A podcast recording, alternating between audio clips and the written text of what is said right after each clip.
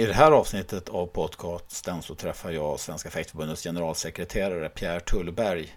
En kille som är besatt av fäktning. Fäktning är hans yrke och hans passion. Och han är inte bara en person som har fingrarna i väldigt mycket när det gäller svenska fäktvärlden och fäktkretsar utan han är dessutom en tung person internationellt i internationella fäktförbundet och har varit tävlingsledare och Eh, kontrollant vid världscuptävlingar och dessutom tävlingsledare på OS-tävlingar. Det finns hur mycket som helst man skulle kunna prata med Pierre Tullberg om så att jag har fått verkligen anstränga mig för att inte fylla upp allt för mycket tid i den här intervjun och det kanske blir anledning att träffa Pierre flera gånger för att prata om olika saker som berör svensk fäktning. Här kommer han i alla fall, Pierre Tullberg. Prata lite grann till du. Jag tycker att jag verkar gå in okej. Okay. Ja, men det där är nog, ja. det där kan nog inte bli bättre. Det där kan nog inte bli bättre. Nu ska jag prata tydligt och jag ska vara duktig på att artikulera. Ja. Vet du att jag har slutat, när jag var ung så pratade jag kunde verkligen prata väldigt tydligt. Numera jag kan inte säga R. men det, skåningar kan väl inte säga R? Så. Nej, men jag kunde. Du kunde det förr? Ja, absolut. Jag var så här före, du vet, Uh, när man börjar läsa spanska i gymnasiet. Uh, det är liksom den största utmaningen för spanskläraren i skånska skolor, det är att helt plötsligt så ska de börja rulla på R. Det var liksom mitt forte i spanska. Men uh, det har försvunnit. Mm. Las Ramblas. Ja, precis. En garde. Prêt. Allez!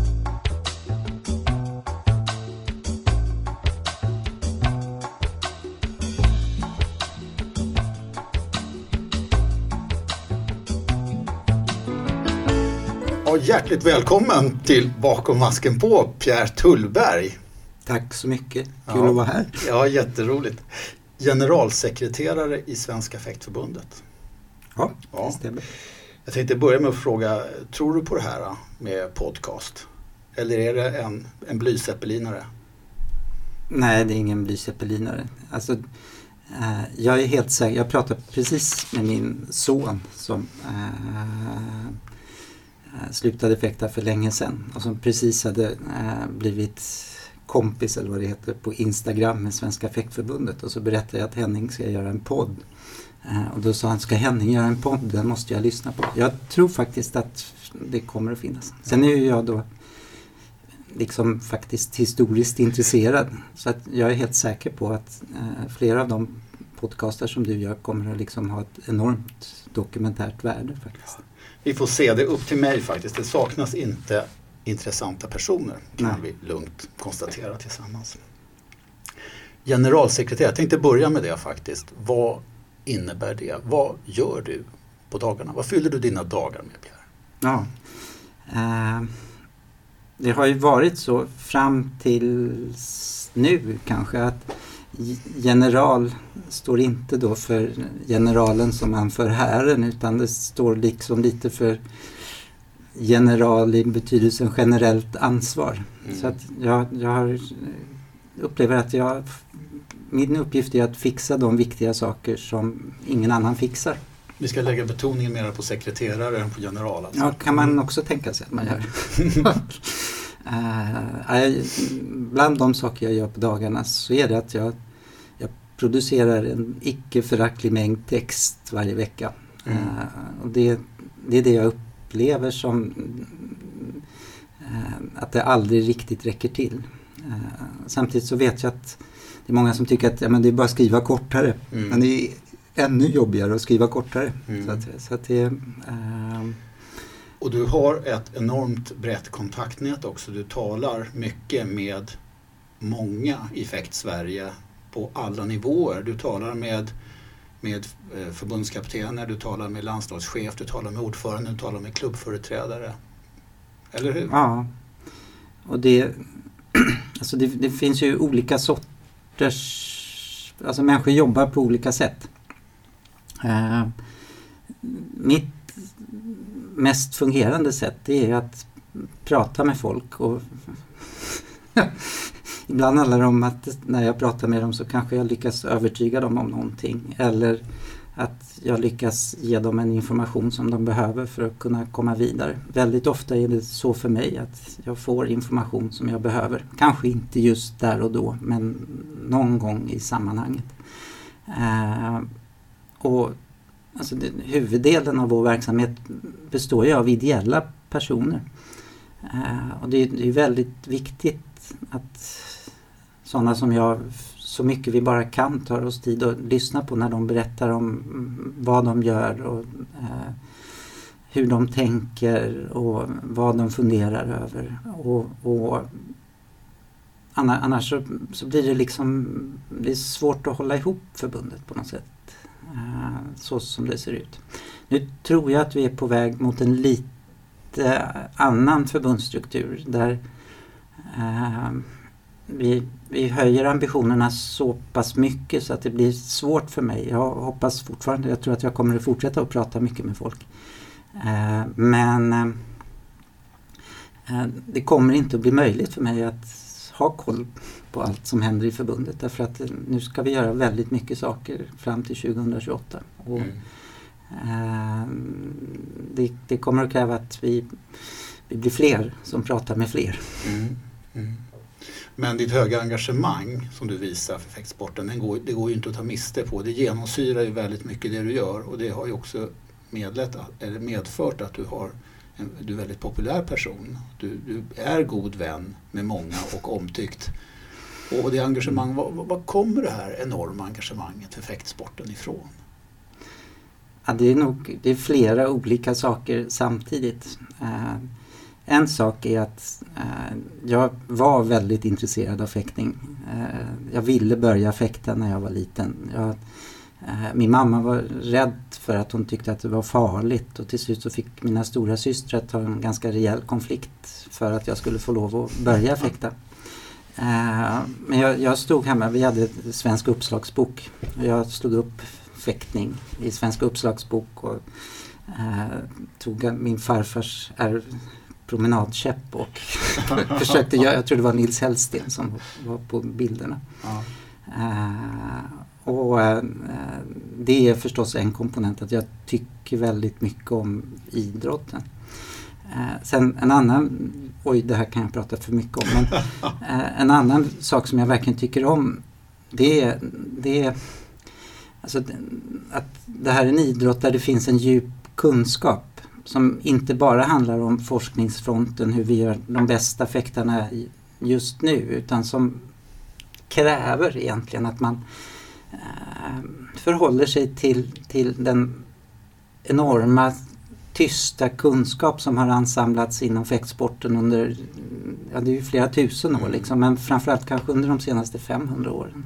Där, eh, den enda idrott jag kan jämföra med i övrigt det är, det är liksom ridsport som jag jag rädd för djur och rädd för stora djur. Men, men jag älskar att läsa om ridsport. Jag älskar att titta på det. Jag älskar att se folk som kan jättemycket om ridsport på samma sätt som jag älskar att träffa folk som verkligen kan fäktning i, mm. i grunden. Uh, sen, så, så, ja, men utan något förakt för bordtennis och golf ja, och vad ska på så, så är det ändå, det hade inte kunnat bli vad som helst annat utan just nej. att det här att det är fäktning, det ja. är viktigt. Det, det är väldigt viktigt och det tror jag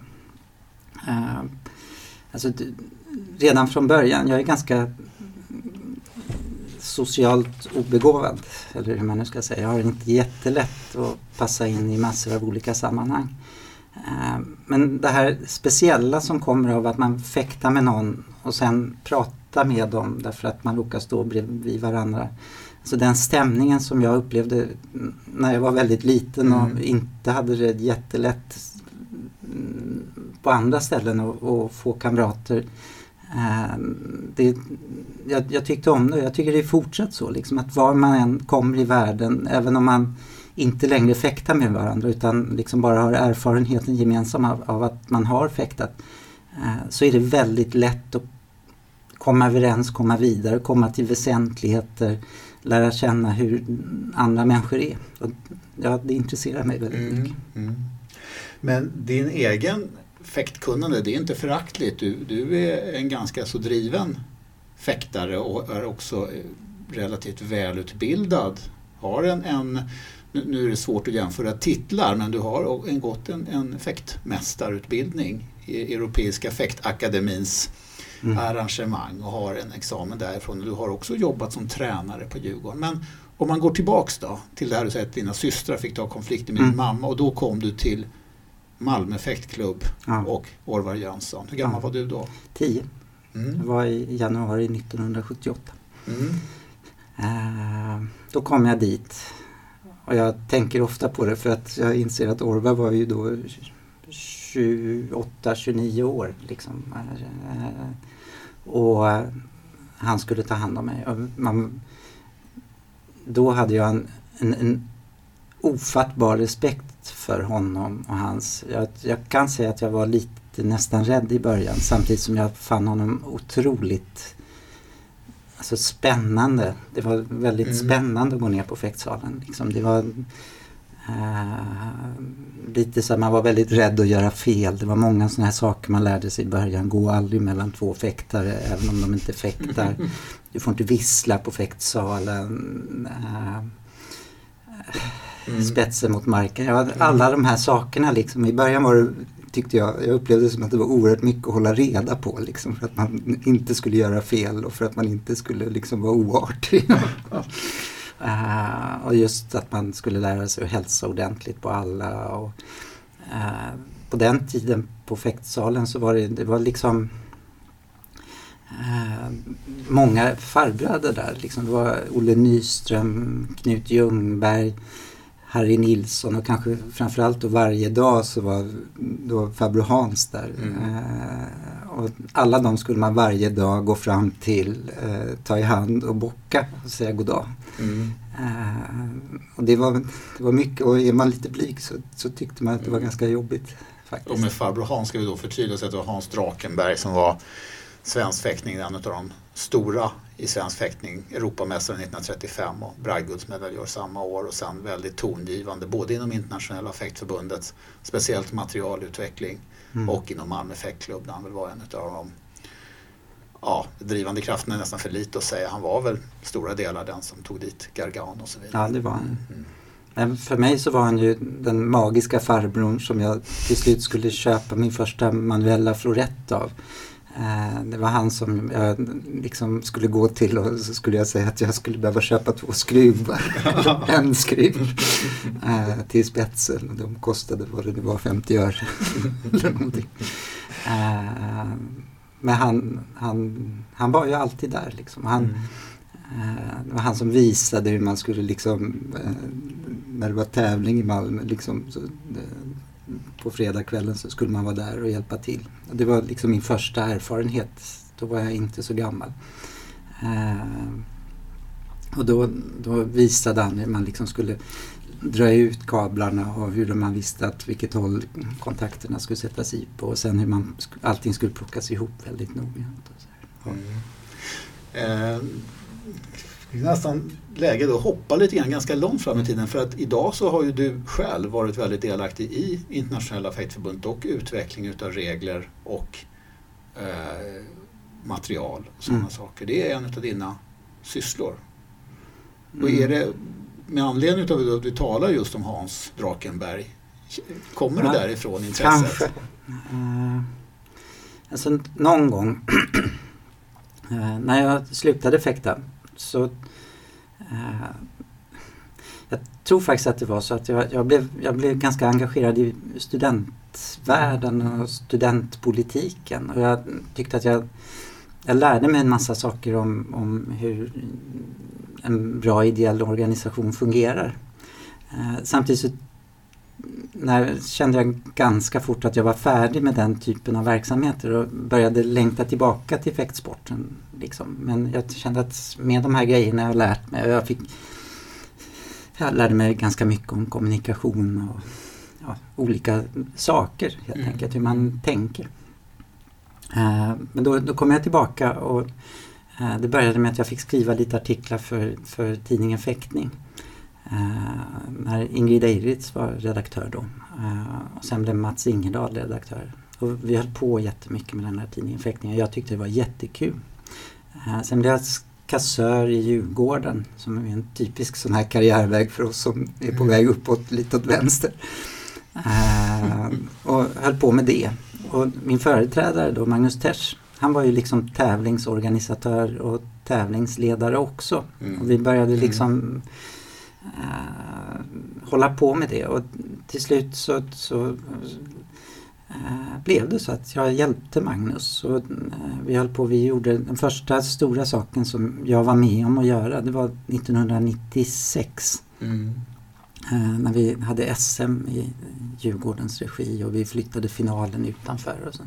Och vi skulle, ja, det var massor av saker. Så här, vi hade gjort en jättefin stor apparat med lampor som skulle lysa. Och eh, den exploderade för att den gick på stark, stark ström och vi skulle bygga en pist med lastpallar. Och, ja, det var, jag älskade att hålla på med sådana här saker. Ja, vad hade vi det finalen då någonstans? I Brygghuset. Ja, Brygghuset hade jag på Ja, Norrtullsgatan. Norrtullsgatan, precis. Mm. precis. Det Lite för Eh, kort den lokalen, alltså pisten blev lite, lite Ja, för kort. Det var ett av problemen där. Ja. Liksom. Men det var mycket som var ganska kul också. Det var kul så här, Leif Högström och Göran Flodström fixade käket. Mm. Och, ja, det, det var mycket som var en första gång då. Mm. Eh, och då blev jag riktigt, riktigt intresserad av tävlingsorganisation. Mm. Ehm, och samtidigt så hade jag börjat då, det var olika projekt och eftersom jag hjälpte till så fick jag vara med i så internationellt stimulansprojekt för ungdomar. Och jag och min kompis Per Palmström vi, vi Mm. åkte på kurser och fick vara med på kongresser. Ehm, och jag började fatta mer och mer och så blev jag totalt, alltså jag ägnade mig bara åt att gå runt och fotografera kamerapositioner och fundera över hur liksom, de gjorde de här tävlingarna. Eh, och blev oerhört liksom, inspirerad. Eh, och då gled jag, det var nog den vägen jag gled in Mm. på det. Och, eh, I samband med den här OS-ansökan till 2004 som Stockholm gjorde så blev det aktuellt, ska vi inte vi ha en världscuptävling istället? Och, Mm. så här, och då blev jag ännu mer igång med det. Och jag bytte jobb och gick ner på 60 procent. Och ägnade mig åt att eh, hålla på med fäktning ganska mycket under, under en period. Då. Eh, och sen var det egentligen eh, det var mer en tillfällighet att alltså man var tvungen att förstå regler. Och då eh, eftersom man var tvungen att förstå regler så, så blev jag bra på regler och Mm. började tycka att regler var väldigt kul.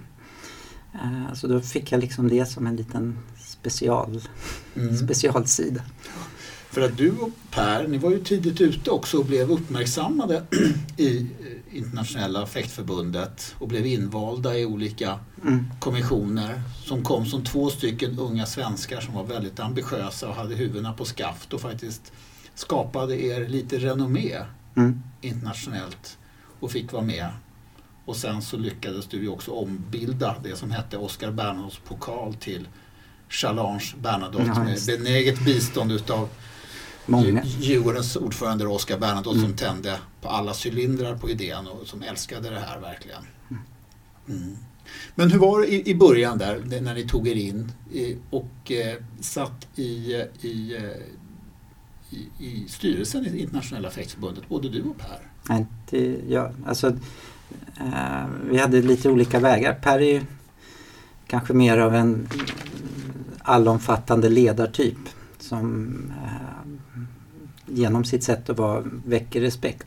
Liksom. Mm. Och han, eh, han, hans väg in, eh, du får fråga honom någon gång, men den var också Lugn, vad ska jag göra? Ja, eh, den var också genom att han var tävlingsledare. Liksom. Men, men han, eh, han visade väldigt tydligt tidigt att han hade den här typen av majestätiska ledar... Alltså att han, han, han, han var liksom ledaren på tävlingar. Jag har alltid varit liksom experten. Mm. Liksom den som eh, tycker om att att jobba hårt och är intresserad av detaljerna och liksom micklar med det. Liksom. Det var vägen fram för mig. Eh, och jag tror för oss båda egentligen så, så så var det tävlingsledarskapet som var vägen in. Eh, jag var lite före till slut och fick vara tävlingsledare i Aten på OS 2004. Och, och efter det så kom jag liksom, mm. växlade jag in på, på det där. För jag hade lite mer tid, eller jag mm. valde att lägga mer tid på det där engagemanget. För Per var det jag tror att de ganska tidigt insåg att de ville att han skulle vara helt ansvarig, alltså president i direktörteknik mm. Eh, för OS i Peking. Och han, de började grooma honom sådär runt 2006. Mm. Men var du, satt, du satt med i tävlingsledningen i Aten 2004 eller var du de facto ansvarig för, för tävlingsledningen? på den Jag satt med. Jag var, med. Alltså, jag var medlem i direktörteknik mm. som det hette. Och vilka andra var det med i det? Oh, ah. Det var eh, oh, det var mina första mitt första gäng som jag jobbade med. Det var Julius Kralik som numera är teknisk direktör för Europeiska fäktförbundet. Eh, han var president och det var han, han stod för väldigt mycket nydanande i tävlingsledarskapet. Mm. Så här, liksom, han sloven? Slovak. Slovak. Mm. Eh, det var han som till slut fick fäkttävlingar och började kunna följa en fit tidtabell och mm, mm. att man liksom på något sätt skapade en, en ordning och reda. Uh, sen var det en uh, kille från Taiwan som älskade fäktning på samma sätt som jag men dessutom var väldigt klok.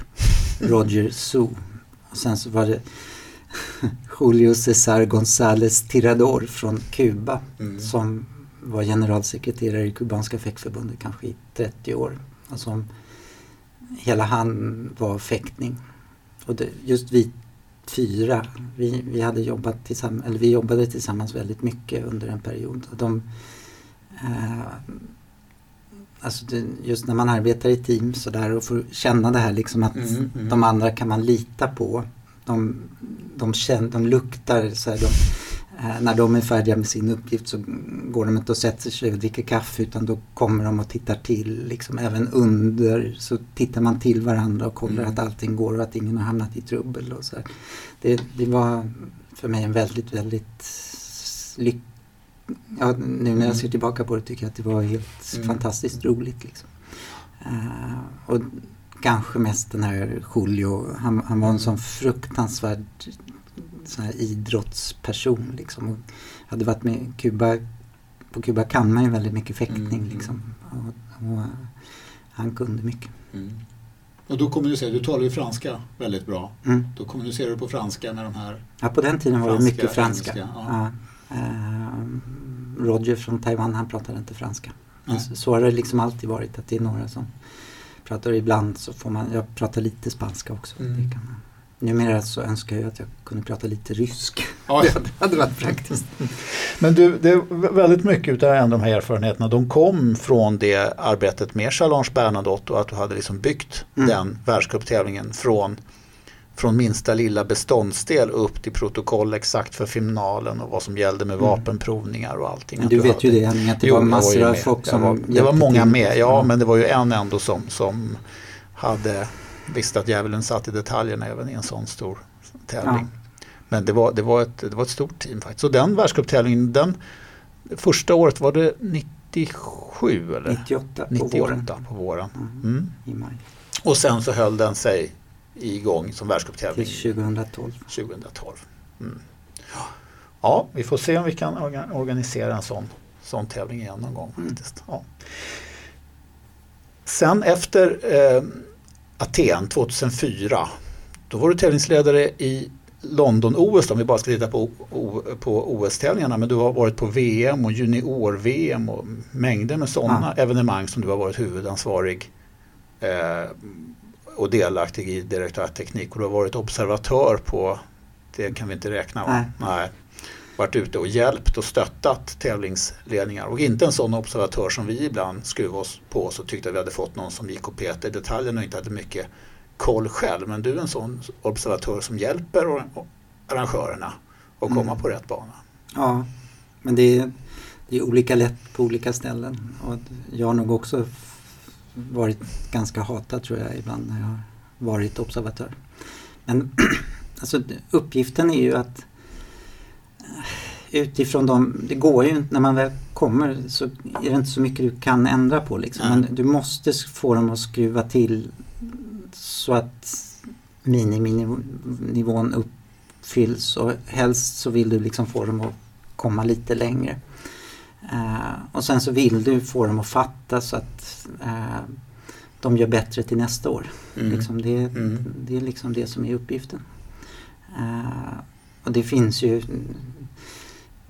just när man åker runt som observatör då, så upptäcker det finns många som du och jag liksom, som verkligen älskar fäktsporten och tycker att... Glada amatörer tror jag skulle säga. Ja. Nej, utan som, som mm. lägger oerhört mycket tid och engagemang och vill att det ska bli bra och brinner för att fäktsporten ska utvecklas. Det är, eh, det är en väldigt, på det sättet är det väldigt stimulerande. Mm.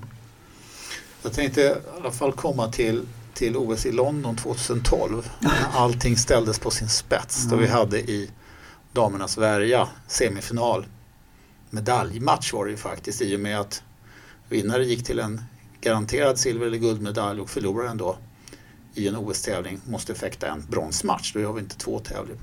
Så att då, det var då mellan koreanskan Shin och tyskan Heidemann. Mm. Och sista minuten och det var lika och tiden går ut. Mm eller tiden hann inte gå ut utan där står då koreanskan med tånageln inne på pisten och tyskan ska backa och få chansen. Mm. Jag vet inte, det var fyra dubblar som hann mm. med att sättas under den här sista sekunden. Och sen mm. till slut så protesterar den koreanska ledaren och in i handlingarna när hela världen river sitt hår och tittar på den här tävlingen och ser vad pågår i fäktningen så kliver Pierre Tullberg och Johan Popp, den rumänske eh, tävlingsledaren tillsammans Han var försiktig där. Han var inte jättedelaktig. Nej. Utan det var, alltså han som var chef för Directoire Tecnito, han hette Raniero Bernardini. Uh, och det var, det var, han var en av dem som klev in. Ah, vill du, jag ska försöka sammanfatta det. Men det man, det man måste förstå det är att uh, sedan OS i Peking så hade internationella fäktförbundet bytt ordförande. Eh, vi hade bytt då från fransmannen René Rock till eh, ryssen eh, Alisher Usmanov. Och René Rock var liksom en person som var inne i eh, mm. detaljerna också. Han var en sån som, när han såg en dålig domare så kunde han gå ner rakt på pisten direkt efter matchen och säga du har dömt din sista match. Eh, det var han som, vi hade en stor skandal i Aten som handlade om en eh, han, han, blev straffad så jag mm. vågar säga att han avsiktligt dömde till fördel för, för Italien mot mm. eh, Kina. Eh, och det var han, direkt under matchen så går han in och säger det här är fel.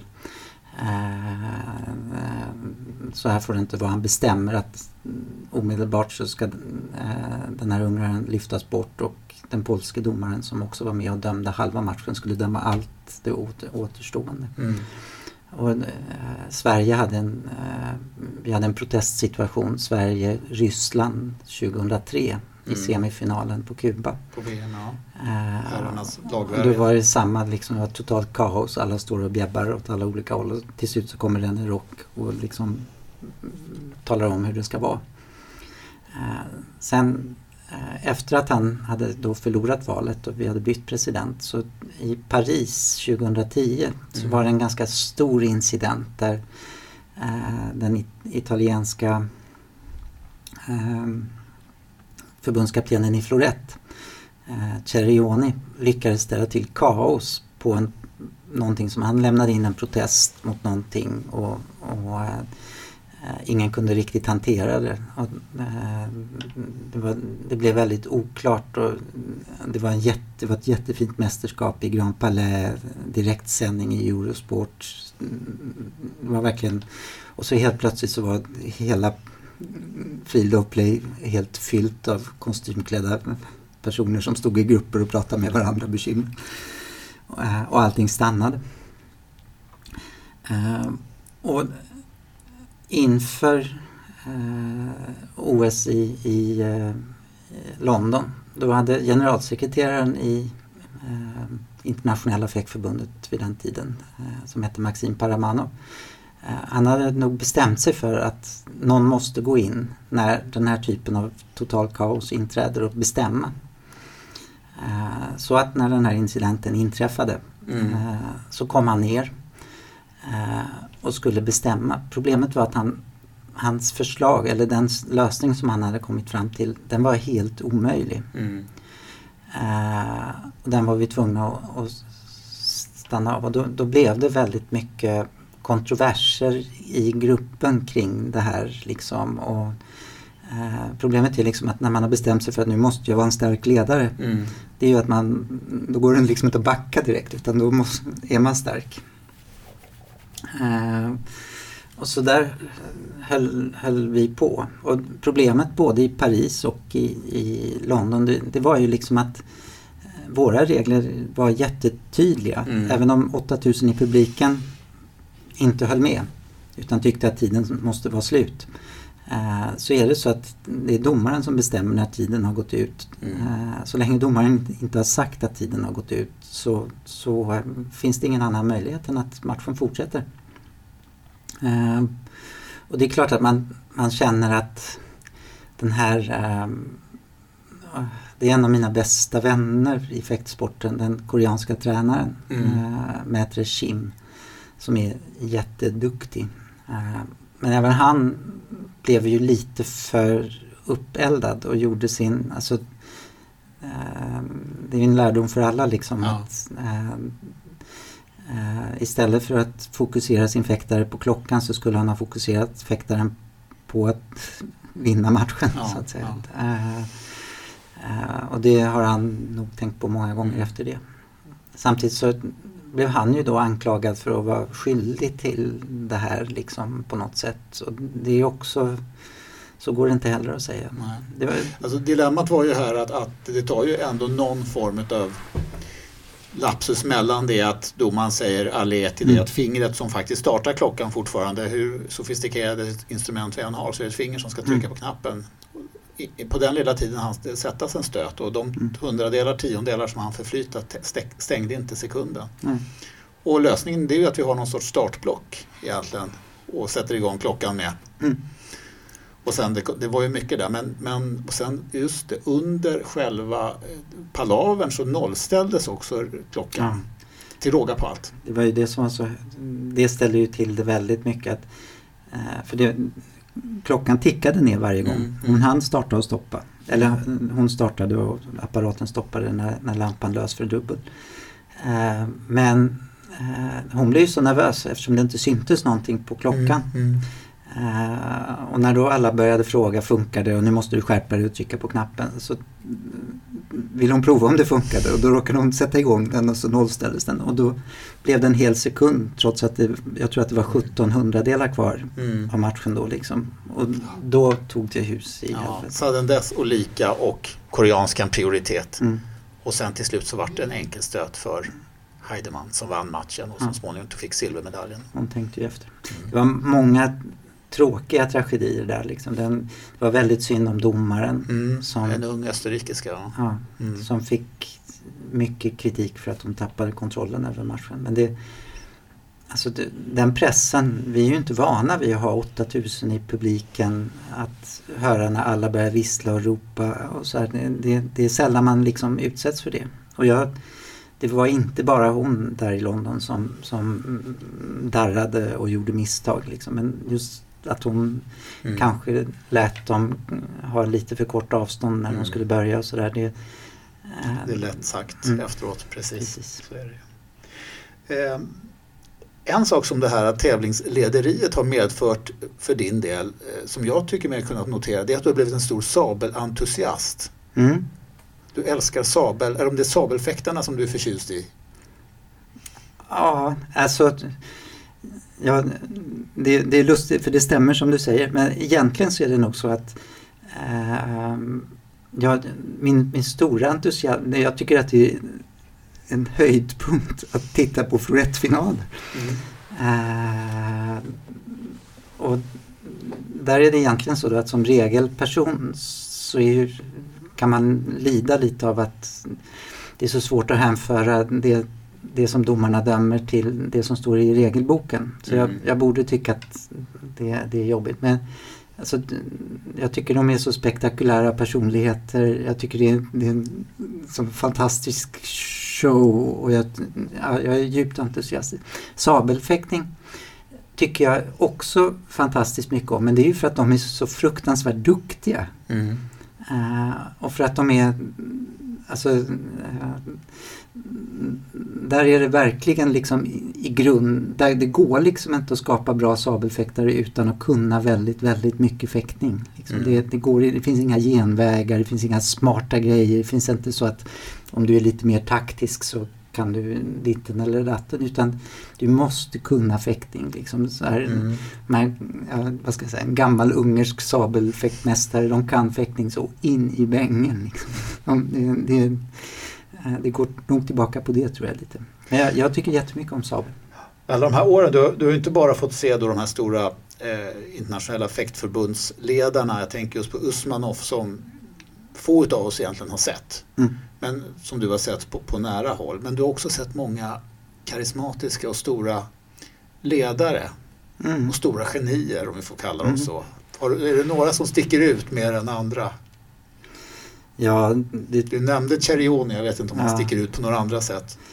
alltså Cerioni är ju, dels är det de här just florettcoacher av hög klass och sabelcoacher av hög klass och värjcoacher av hög alltså, de, de är eh, oerhört spännande människor. Jag tycker att eh, Cerioni och Magro som Mm. var före honom Eh, och även eh, vad heter han, Cipre- Cipressa som, som är nu. Det är, mm, det är ganska rep- remarkabla personer liksom som är utbildade eh, i allt möjligt på ett sätt som, som gör dem spännande.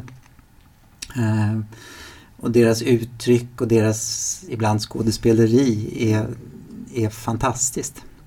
Eh, men jag, jag ser ju också eh, bland, jag vet du det finns Bauer. Mm. eh, Franske sabeltränare Ja, som precis. var både kineserna och ryssarna. ryssarna och, ja. Eh, och ja, flera andra. Liksom där, där, eh, ja, det är fascinerande människor att, Mm. att se.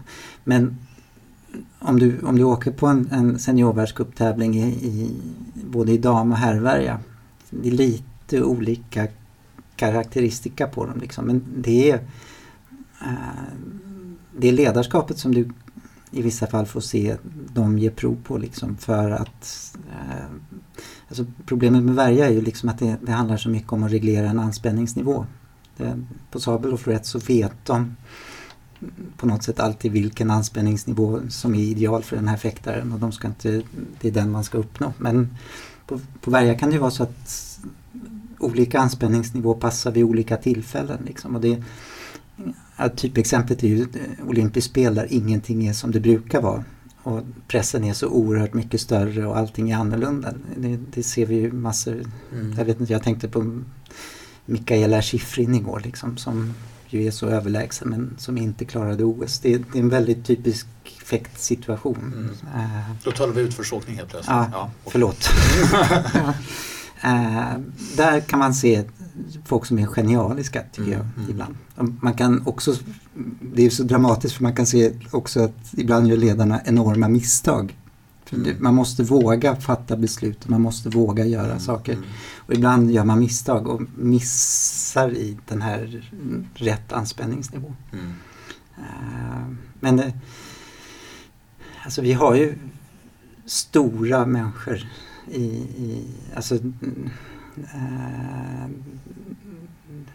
jag har en så här, liksom Erik Strecki har jag alltid Mm. bara känt att oj vilken person det är.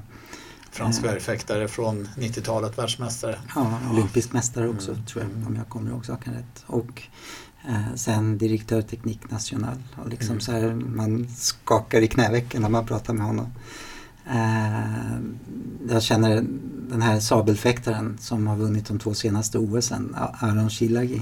Det, Mm. det är en En strong, otrolig strong person. kille. Ja. Mm. Ja, Eh, för mig personligen, alltså René Rock var betydelsefull. Eh, han, han, han hade ett ledarskap som man inte får se i Sverige någonsin. Så här, liksom, han använde aggression och eh, ibland rakt av utskällningar på ett sätt som vi inte gör. Liksom. Han, han, var fullt kapabel i början av ett mästerskap mm. om man inte tyckte att folk var på tå. Så grälade han och han skällde ut folk till höger och vänster faktiskt. Bara för att liksom höja anspänningsnivån och få folk att bruka allvar. Uh, och jag, det tog ett tag men när jag till slut insåg att det här är någonting som han använder. Det är liksom intellektuellt planerat. Han är inte arg. Nej.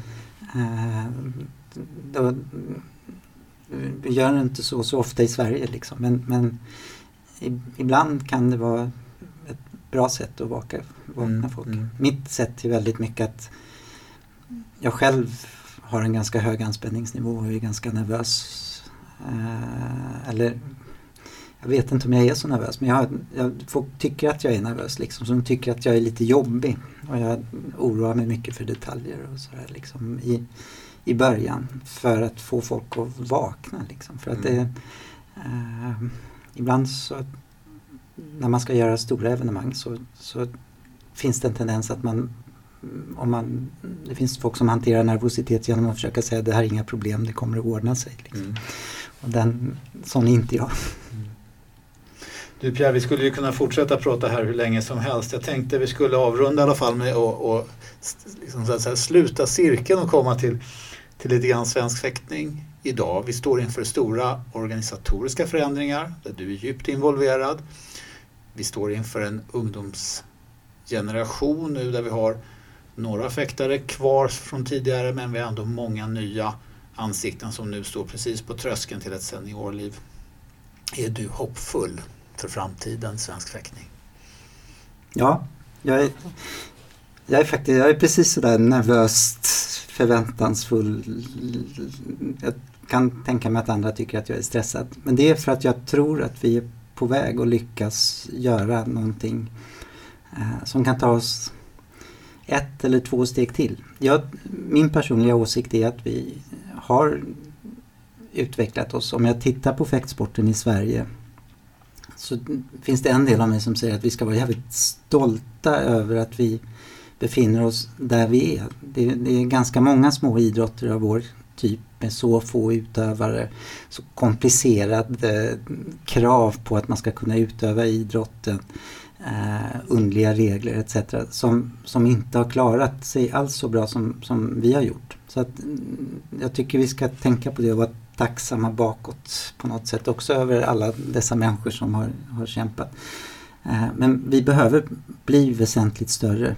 Mm. Eh, det, är, det är en viktig sak för framtiden. Eh, och jag är hoppfull. Jag, jag tror verkligen att vi är på väg att alltså öka organisationen, öka engagemanget lite mer så att fler brinner för, för, för exporten. Uh, så ja, jag är, jag är hoppfull och nervös. Ja, mm. ja men det tycker jag låter som en alldeles perfekt avslutning. Mm. Hjärtligt tack! Tack så mycket! Kul samtal! Ja, tack!